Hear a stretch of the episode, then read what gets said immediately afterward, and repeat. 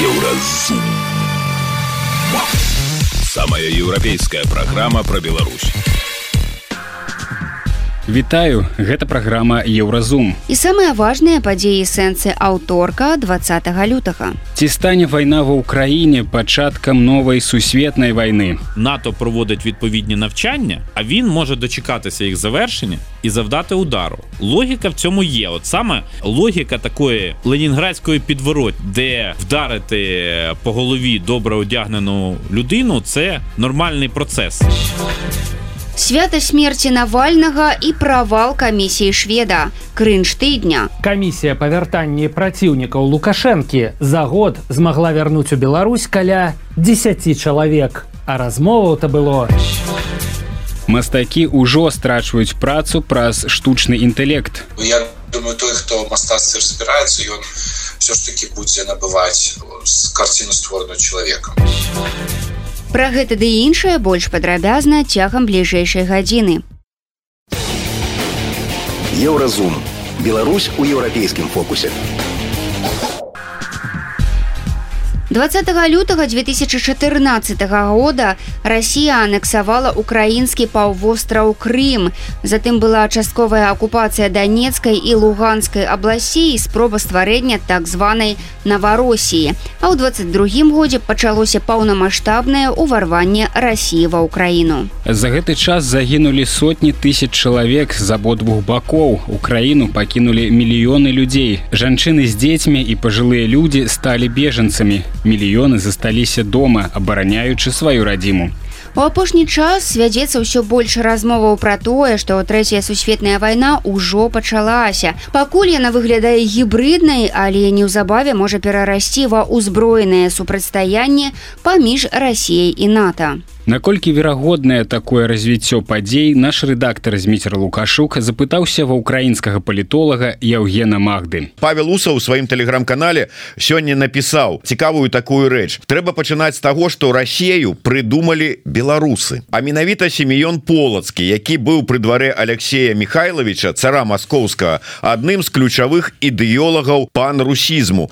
Ну такі мікс дзерманта і гігіна. І фактычна увёў у карыстанне слова Россия Расея недзе ў 60-х годах 17 стагоддзя і кнігу адпаведную напісаў жезл правления на правительство мысленного стада православной российской церкви для царя России Алексея Михайловича я вось да мысленного стада. Статак вот думаючы але статак здаецца расійскае грамадства ў пераважнай большасці гэтым і застаецца. І таму вось страты про якія ось вы казалі сотні тысяч забітых загінулых параненых скалечаных на вайне дзеля там нейкіх там невядомых прыдумак гісторыка Пуціна яно не спыніць Як там з давніх часов було? Баби і що наражають? Так це у них є. Але є один ще цікавий момент. Ніхто чітко не скаже де ця межа скільки має загинути людей після яких почнуться якісь незворотні потрясіння почнуться дуже серйозні зміни. Ніхто не скаже. Але я думаю що Білорусь в цьому сенсі має на це все дивитися і дивитися дуже уважно. Я не випадково завжди підкреслюю, що білоруси, які поза межами Білорусі, або білоруси, які залишаються на території своєї держави, вони все одно не росіяни. І я розумію, що для білорусів, наприклад, от до речі, піти в Україну війною, я думаю, набагато складніше психологічно, морально, ніж їх накручувати на агресію проти НАТО. От на агресію проти НАТО їх накрутити легше, тому що Лукашенко ж роками говорив, що він тільки на тракторі приїде, правда, в Україну. А от проти НАТО, проти оцих цих цих речей, як допитувати полонених американців, британців, як і машина пропаганди, вона ж і раніше була. А з осені 20-го року я ж, наприклад, до 20-го року я ж ОНТ давав кілька разів коментарі. І нічого, і нормально, і вони йшли, в принципі, в ефір плюс-мінус адекватно. Але це ж е, ситуація, яка дуже небезпечна, і самі білоруси мають усвідомлювати, що для них це небезпечно ставати розмінною картою. Дуже небезпечно. І ўсё ж таки я вярнуся да гэтай тэмы верагоднай войны пачатку третьей сусветнай войны здаецца ты бачыў гэты эфир наш с Миколаем халезіным так, дзе той выказаў ну па-першае упэўненасць что гэта война ўсё одно будзе яе не пазбегнуць. І по-другой сказаў так калі б мяне спыталі калі яна пачнецца я б сказаў 9 снежня грудня. Грудня. 5 выборы у ЗША ну сёмага свята у іх там трэба ж адзначыць чарку дзёрнуць а 9 можна ўжо і э, пачынаць вайну наколькі гэта верагодны такі сцэнар знаешь в чому праблема я весь час до початку широкомасштабного вторгнення я намагався не наголошувати на тому що буде війна тому що я розумів що для людей для багатьох людей це буде панічна інформація це має робити державна інформаційна машина про це говорити але щоб чітко сказати таку дату, таке припущення воно має право на життя. Воно, в принципі, може бути.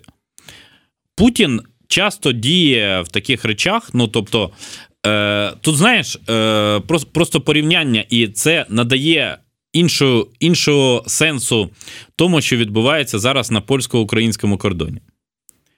Там же теж почали блокувати перевезення. Коли? Коли уряду Моровецького залишився тиждень, і було зрозуміло, що вже все. А уряд Туска ще не сформувався. І польським правоохоронцям ну ну, ну для чого було рвати підошви на бігу? Для чого? Хто б хто б це оцінив? Колишній уряд чи вже новий уряд? А доки доки розбиралися, процес цей пішов, і було підірвано значною мірою на звичайному людському рівні польсько-українську довіру. Чому? Тому що дійсно багато. Транспортні потоки перебудовують, е, перелаштовують ну, можна швидко. Бо є чорноморські порти, там там Констанца в Румунії, але ж мають бути і пропускна спроможність доріг, і пропускні пункти на прикордонні. І те, що зараз в Румунії будують автобан, це все добре. Але там теж парламентські вибори. Там є така проросійська партія Аур.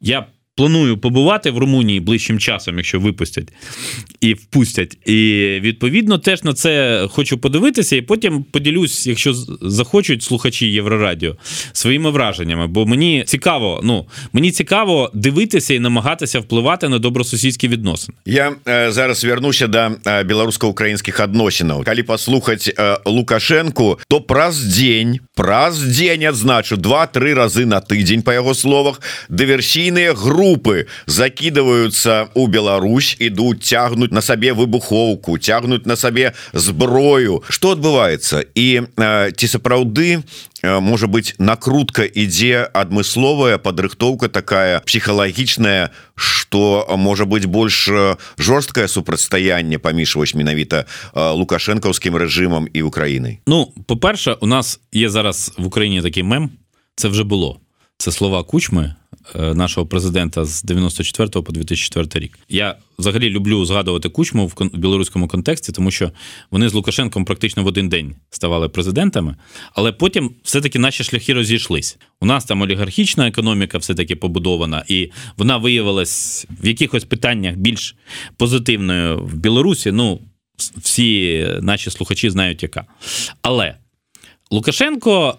Е- знаєш, от прочитавши і кілька його політичних біографій, і е, кілька е, там публікацій про нього, стежачи за ним, навіть книжку за допомогою тебе передавши, зрозумівши, що це не в коня корм, але що ж поробиш. Е, я скажу, що Лукашенко буде говорити все, що завгодно. Тобто він зараз веде запеклу боротьбу за те, щоб залишитись на своїй посаді. Для нього це вкрай важливо. Тобто, це тема номер один за будь-якого випадку.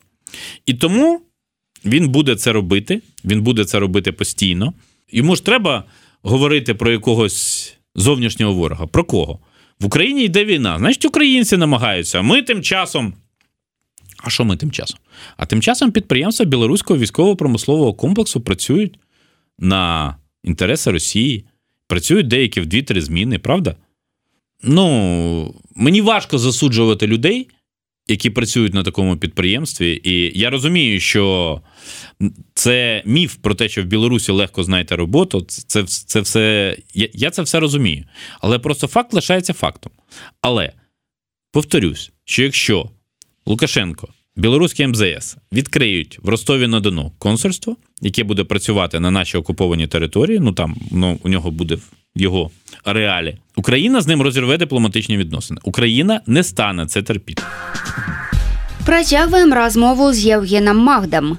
Дуже хороше правильне питання. По-перше, дякую за усвідомлення того, що російсько-українська війна триває вже 10 років. Буду відвертим в Україні. Навіть не всі громадяни це розуміли до 24 лютого 22 року. От коли ракети, бомби, снаряди почали прилітати по всіх, і коли почали вбивати людей незалежно від їхньої політичної орієнтації, і навіть незалежно від того, як вони ставляться до Росії. Хоча ми бачили, що і в Авдіївці є ждуни були у всякому разі. Ну така. Така природа буває серед людей, коли немає ефективної національної політики, коли немає ефективної розбудови нації. Але зараз ситуація звичайно інша. Тобто, не просто переважна більшість, ну там за виключенням статистичної похибки, розуміють, що війна триває вже 10 років, ну понад 90%. Але і люди вірять в перемогу в цій війні. Вони усвідомлюють, що ми живемо в цій війні дуже довго. Тепер виникає питання, як буде Росія рухатись. Ну, дивіться, з одного боку, війна в Україні, яка завдала і Росії величезних втрат. Тобто, коли говорять про їхні сотні тисяч вбитих і поранених, ну це ж не, не просто цифри, це те, що відбувається для Росії. Але, звичайно, її ресурс, навіть людський, в кілька разів більше за наш. І тому для нас важлива підтримка Заходу, для нас важлива підтримка наших білоруських друзів, наших грузинських друзів, ну тих, хто не входить в Європейський Союз, в НАТО, але все одно пліч опліч готовий стати з нами. І про їхній подвиг, про їхню жертовність українці, повірте мені, не забудуть. Як буде це розвиватися, як буде йти ця ситуація? Справа в тому, що передбачити дії Путіна ну от якось раціонально надзвичайно складно. Але я усвідомлюю, що якщо Естонія через річку від Росії, так? Якщо є можливість напасти з території Калінінграду і кажуть, що із території Білорусі по Сувалкському коридору, це якраз це така схиблена логіка Путіна, що НАТО проводить відповідні навчання, а він може дочекатися їх завершення і завдати удару. Логіка в цьому є. От саме ну, сам, саме логіка такої ленінградської підворотні, Ленінг... Е, де от е, вдарити по голові добре одягнену людину це нормальний процес для тамтешніх, так би мовити, напівкримінальних елементів. І Росія, вона ж поводить себе не перший рік як гопник. Далеко не перший. І ми бачимо це. І доки Україна заливається кров'ю, ми все-таки хочемо і транслювати свій досвід, і транслювати свої знання того, як цьому протидіяти. Ну, простий приклад. А що, багато країн, де законодавство передбачає е, можливість зупинити гібридне втручання в вибори? Чи багато країн, які можуть на це реально вплинути? Чи е, хіба втручання в вибори 16-го року були бравадою? Ні. З боку Росії було це втручання, і американці його фіксували. Чи вони відмовляться від втручання в вибори 24-го року? Думаю, що ні. І інтерв'ю з Такером Карлсоном це приклад такого втручання. Таких речей буде багато. Ми маємо зрозуміти, що коли найбільша за площею країна в світі, де живе біля 150 мільйонів людей, вона діє в такий спосіб, як гопник, вона повинна отримувати відсіч. І тут дуже важливий момент буде дуже скоро, в березні. В середині березня пройдуть перевибори Путіна. Я впевнений, що йому намалюють 90 плюс відсотків. Консолідація навколо вождя російського народу. Ну він должен, повинен же ще Алієва переплюнути. Ну, Алієва переплюнути це само собою. Але питання в іншому: вибори, так звані вибори, росіяни будуть проводити на окупованих українських територіях. Ці окуповані території найбільші в Європі після 45-го року. Можна говорити найбільші в світі. Ну там може десь в Африці, в пустелі Сахара більше захоплено. Ну але будь-кому, хто є, е, хто хоч раз був в Україні, чи сюжет навіть National Geographic бачив, то розуміє, що українська земля і пустеля Сахара це різні речі. І відповідно ці можливості вони ну, дуже помітні, дуже відчутні. Тобто на найбільшій окупованій території після Другої світової збираються провести вибори, псевдовибори, оголосити Путіна в чергове президентом. А як відреагують Сполучені Штати? Я знаю, що зараз українські дипломати працюють над тим, щоб ці вибори були не визнані Заходом, щоб вони так само, як Лукашенка, не називають президентом, так само і Путіна не називали президентом. Так, його це вибісить просто страшно. Але я хочу нагадати, що майже рік тому, практично в той самий час, Міжнародний кримінальний суд видав ордер на арешт Путіна за незаконне переміщення українських дітей, читай, викрадення українських дітей. І це дуже показовий факт. Це сигнал для Заходу, що таке можна робити, що справедливість потрібна в цьому світі. Мы слухали украінскага палітолага Яўгена Магду. Ён распавёў, ці варта рыхтавацца да трэцяй сусветнай вайны і навошта Лукашенко травіць байкі пра дыверсантаў. Еўрарадыё кропка FM. Далей у праграме Еўразум. Свята смерці Навальнага і правал камісіі шведа, крынж тыдня. Камісія па вяртанні праціўнікаў Лукашэнкі за год змагла вярнуць у Беларусь каля 10 чалавек, а размоваў-то было.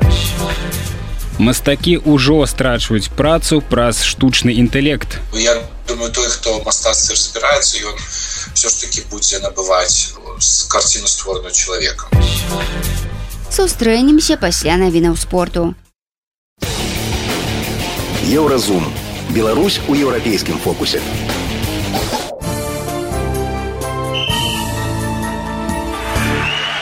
На еўрарадыё навіны спорту. Беларус Яўген Ціханцоў стаў двухразовым чэмпіёнам Еўропы па цяжкай атлетыцы. Кантынентальнае першынство прайшло ў Балгарыі. Ціханцоў выступаў у вагавой катэгорыі да 102 кілаграмаў. Ён стаў уладальнікам золата ў штуршку і дваябор'і. Арына Сабаленко прайграла ўжо свой першы паядынак на турніры ў Дубаі. У адной 16 фіналу другую ракетку свету спыніла Дона Векіч з Харватыі. 31 ў сусветным рэйтынгу 763606. Для Сабаленко Векіч нязручная саперніца. У васьмі матчах яна ёй прайграла 6 разоў. Асіст беларускага хакеіста Ягора Шаранговіча дапамог калгары перамагчы ў чэмпіянаце НХл Вінніпег 6-3. У гэтым сезоне ў Шаранговіча ўжо 37 ачкоў у 56 гульнях. Ленэль Месі перадаў свой восьмы залаты мяч, атрыманы ў мінулым годзе музею Барселоны. Там ужо захоўваюцца сем папярэдніх прызоў найлепшага футбаліста свету. Месі выступаў за барсу 18 гадоў. Яму прысвечана цэлая секцыя музея футбольнага клуба. На 64 годзе жыцця памёр футбаліст зборнай Геррманіі Андрэас Брэме. У 1990 менавіта рэалізаваны ім пенальці прынёс немцам перамогу над аргенцінцамі ў фінале чэмпіянату свету. Гэта былі навіны спорту, заставайцеся на еўрарадыё. Еўрарадыё. Моц настрою. У апошнія дні беларуская прапаганда занятая дзвюма рэчамі падбадзёрваннем беларусаў каб тыя ішлі на выбары і ненавязлівым абмеркаваннем смерці галоўнага ворага Пуціна расійскага пазіцыянера Алексея навальнага У гісторыі з навальным збольшага выказваюцца характэрныя для пракрамлёўскай прапаганды наратывы пра тое што яго смерцю скарыстаецца захад каб уцягнуцца ў вайну Ну а з беларускімі выбарамі тут выпускаюцца як на падбор вельмі стромныя сюжэты пасля якіх выходзіць на вуліцу 25 лютага ну дакладна не захочацца. Ну а падрабязна пра ўсё гэта прама цяпер у нашай традыцыйнай рубрыцы крынж тыдня Прывітаннечка, гэта крынж тыдня, праграма на еўрарадыё, дзе мы смяемся з нахабнай махровай прапаганды. Асноўная ўвага Беларусі, але не забываемся і пра расійскіх прапагандыстаў і пра іншую крынжаціну. Зараз самі ўсё пабачыце і пачуеце.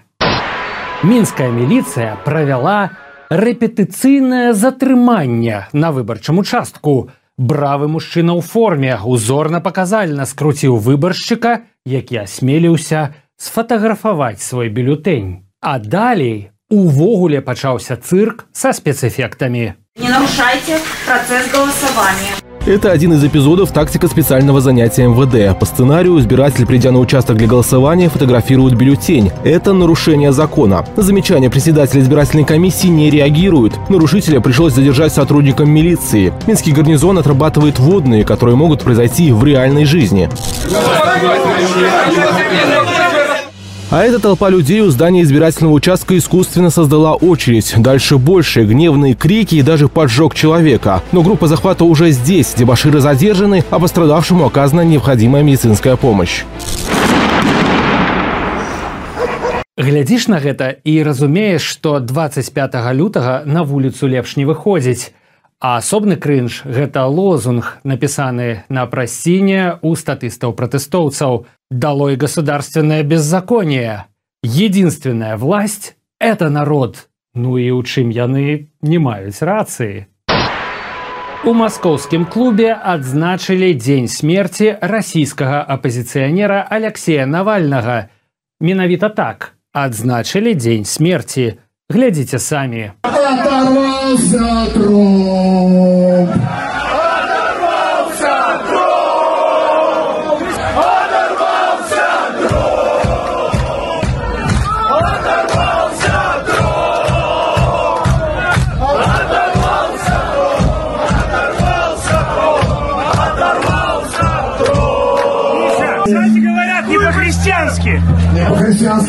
Сделали сейчас по-христиански, кроме констатации фактов?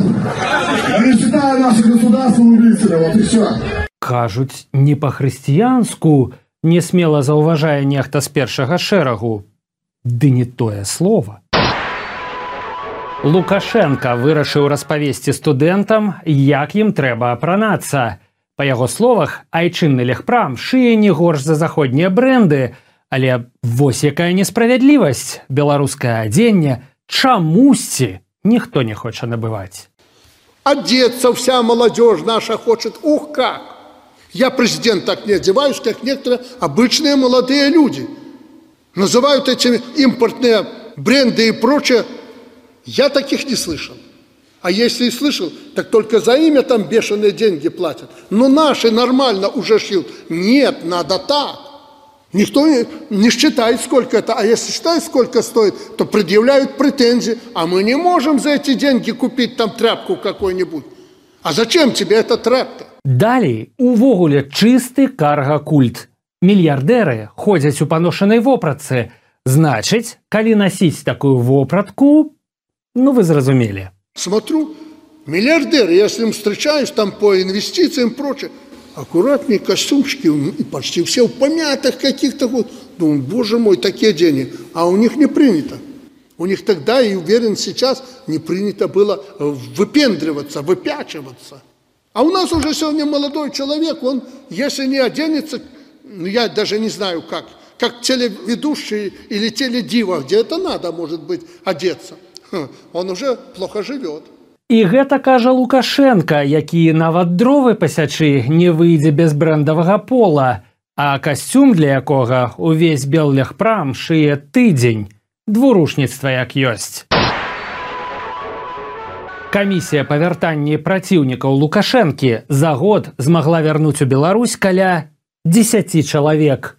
А размоваў-то было, Лепшыя людзі краіны ўвайшлі ў склад камісіі і збіраліся вырашаць лёсы вымушаных эмігрантаў, але з сотняў тысяч з'ехаўшых заявы падалі толькі 150 чалавек. Пахваліцца генпракурору няма чым. Уважаемый Андрей Иванович, уже более года работает комиссия по рассмотрению обращений находящихся за рубежом граждан Республики Беларусь по вопросам совершения ими правонарушений. Вот председателем этой комиссии вы являетесь. Не могли бы вы проинформировать о работе этого органа? Спасибо. Спасибо за вопрос. Да, действительно, год отработала комиссия. По сути дела, это было решение главы государства, которое являлось жестом доброй воли в отношении тех лиц, которые совершили преступление против нашего государства и скрылись за рубежом. 150 заявлений поступило к нам на рассмотрение. Из них нами рассмотрено 37, те, которые соответствовали всем требованиям, установленным указом главы государства. Решения принимались разные. Во всяком случае, с учетом этих решений, около десятка лиц вернулись и на сегодняшний день числа так называемых белых продолжают жить полноценно здесь, в нашей стране. Тут трэба ведаць яшчэ вось што. Праваабаронцам вядома пра сама меней тры выпадкі, калі сілавікі абяцалі не заводзіць крымінальных справаў па вяртанні ўкраіну праз камісію, але падманвалі людзей. Гэта быў крынж тыдня на еўрарадыё. Праз пару дзён будзем разбірацца з наступнай порцыяй хлусні і прапаганды а пакуль усім міру разборлівасці і добрых праўдзівых навінаў еўрарадыё твоя улюбёная хваля далей у праграме еўразум мастакі ўжо страчваюць працу праз штучны інтэлект я думаю той хто мастацтве разбіраецца ён все ж таки будзе набываць карціну створаную чалавекам сустрэнемся пасля навінаў шоу-бізу Еўрарадыё Твоя улюбёная хваля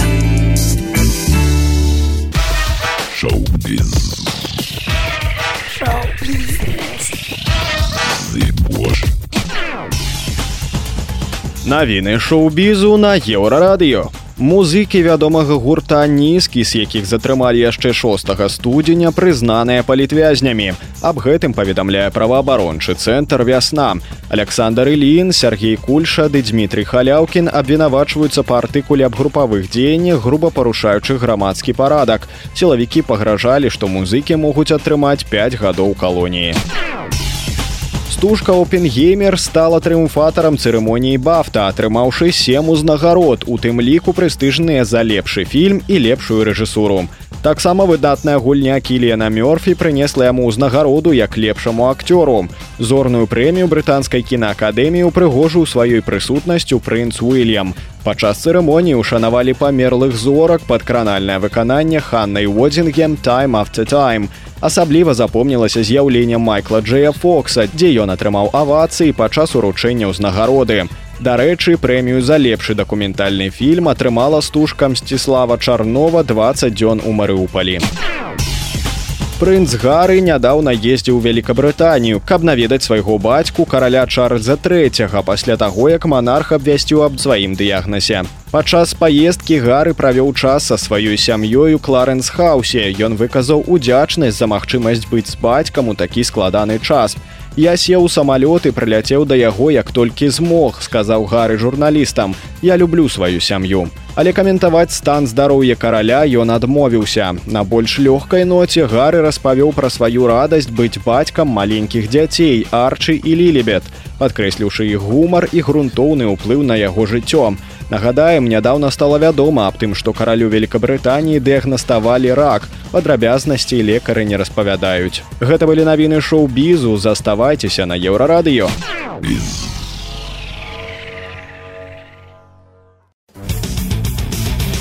Еўразум жыві ў рытме Еўропы. Год таму тэхналагічныя лідары планеты падпісалі адкрыты ліст з заклікам прыпыніць эксперыменты са штучным інтэлектам. Маўляў, тэхналогіі ўсё бліжэй падбіраюцца да ўзнаўлення чалавечых здольнасцяў. І калі гэта будзе адбывацца бескантрольна, то чалавецтва чакаюць небяспечныя наступствы. У верасні першы праект закону аб абароне ад рызык штучнага інтэлекту пачалі разглядаць у Еўросаюзе. Дакумент можа быць прыняты ў 2025 годзе калі за яго прагаласуюць усе галіны ўлады ЕС камісія парламенты рада Ну а мы паслухалі што мастак і дызайнер думаюць пра будучыню са штучным інтэлектам пакуль адназначна можна сказаць толькі адно дызайнера еўрарадыё штучным інтэлектам не замяніць у астатнім не ўсё так адназначна падрабязней у нашым рэпартажы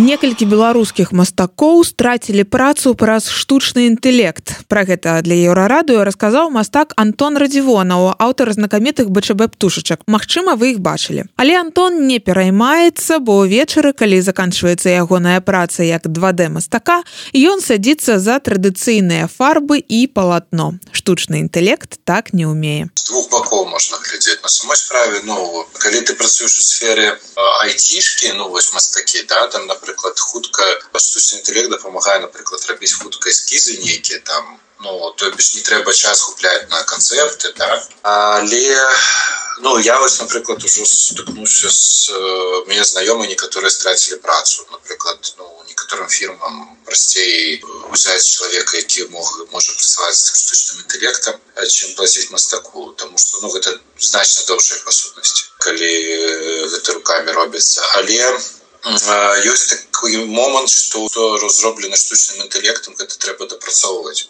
бо напрыклад ён яшчэ не можа нормально там рабіць руки вочы ну гэта бачна что гэты штучны інтэлект зрабіў і без працы мастака прафесійнага там не абыдзецца Ну то бишь зараз такое ідзе на данный момант ёсць э, такая экспраца ёсць штучны інтэлект і ёсць э, мастак які напрыклад даводзіць до да нейкай кропки э, ну і каб яно ўжо выглядала каб з этим працаваць можна я не скажу что я наконт гэтага вельмі так неяк переживаю тому что на самой справе традыцыйнае мастацтва гэта все доўга яшчэ не заменіць і я думаю что но одна справа калі гэта на кампутары зроблена да можна заменіць мастака вось калі гэта ў жывую робіцца матэрыяламі не Ну, Я думаю той хто ў мастацтве разбіраецца ён все ж таки будзе набываць карціну створаную чалавекам. А вось наш дызайнер улад рубанаў пераймаецца з-за штучнага інтэлекта. На сайце еўрарадыо ужо з'явілася шмат ілюстрацый выкананых менавіта праграмай. І улад пайшоў да калегаў каб спытаць ці плануюць яго мяняць на Midjourney. Толькі глупы не турбуецца наконт того ці можа зрабіць працу тому что ну калі ты бачыш як штука за секунду робіць тое що мы звычайно ты там вучышся 4 гады у якой-нибудь навышальной установе мастацкай то конечно же типа такие ну, боты тревоги яны наслайваюць і э, ну з імі часам складанавата жыць тут конечно да так но просто варта падыходзіць да калег і задаваць пытанні наконт того что типа ці варта мне турбавацца як я зрабіў напрыклад мне сказаеш не варта і ну просто карыстаюцца да разнастаісцілі але насамрэч гэта стала штуршком для рефлексіі того рознілася ад нейрасеткі чым я адрозніваюся ад робота. Я на той момант зразумела что вельмі на данный момант алгоритмы не могут воспроизвести тую ж чалавечую шырасць у якую уваходят ты ж эмоцыі нейкія іроніі нейкая іронія нейкія яшчэ штосьці то бок ну алгоритм на аналізе вельмі буйной колькасці данных она можа зрабіць прыгожую картинку як робіць розныя мастакі то бок выкарыстоўваеш кампазіцыю ці яшчэ штось але пакуль что я не назіраю там ну прям магчымасці пожартаваць э, нормальная адна з самых спрэчных тэмаў звязаных з выкарыстаннем нейрасетак у дызайне і мастацтве аўтарскія правы. Нейрасеткі вучацца маляваць на працах сапраўдных мастакоў якія часта не тое што не атрымліваюць ад гэтага навучання ніякага прыбытку дык яшчэ нават і згоды сваёй не даюць на тое каб іх працы выкарыстоўваў штучны інтэлект наш калажыст адмаўляецца падымаць тэму аўтарскіх правоў бо кажа што ў гэтым сэнсе ён і сам такая нейрасетка мінулай версіі жартуе Але дадае, што тэма сапраўды вельмі спрэчная і кожны адкажа на гэтае пытанне па-свойму. Нехта выбудоўваў свой стыль гадамі, а потым прыйшла нейкая нейрасетка і за секунду авалодала гэтым стылем. А нехта скажа гэтаксама, як кажа сам улад. Хай будзе диджитал анархізм. Давайте адкрыем доступ да ўсяго, будзем шэрыць інфармацыю і развівацца праз гэта як грамадства. Карацей тэма спрэчная, бясспрэчна адно нашага дызайнера ніякай нейрасеткай мы замяняць не збіраемся. Заходзьце на сайт еўрарады і паглядзіце, якія крутыя і вельмі смешныя калажы ён робіць. Інфармацыйная служба еўрарадыо. Гэта была праграма Еўразум, штодзённы інфармацыйны падкаст еўрарадыё. Кожны дзень мы распавядаем пра самыя галоўныя навіны Беларусі і свету. А сённяшні выпуск скончаны. Беражыце сябе. Пачуемся. Еўразум. Самая еўрапейская праграма пра Беларусь.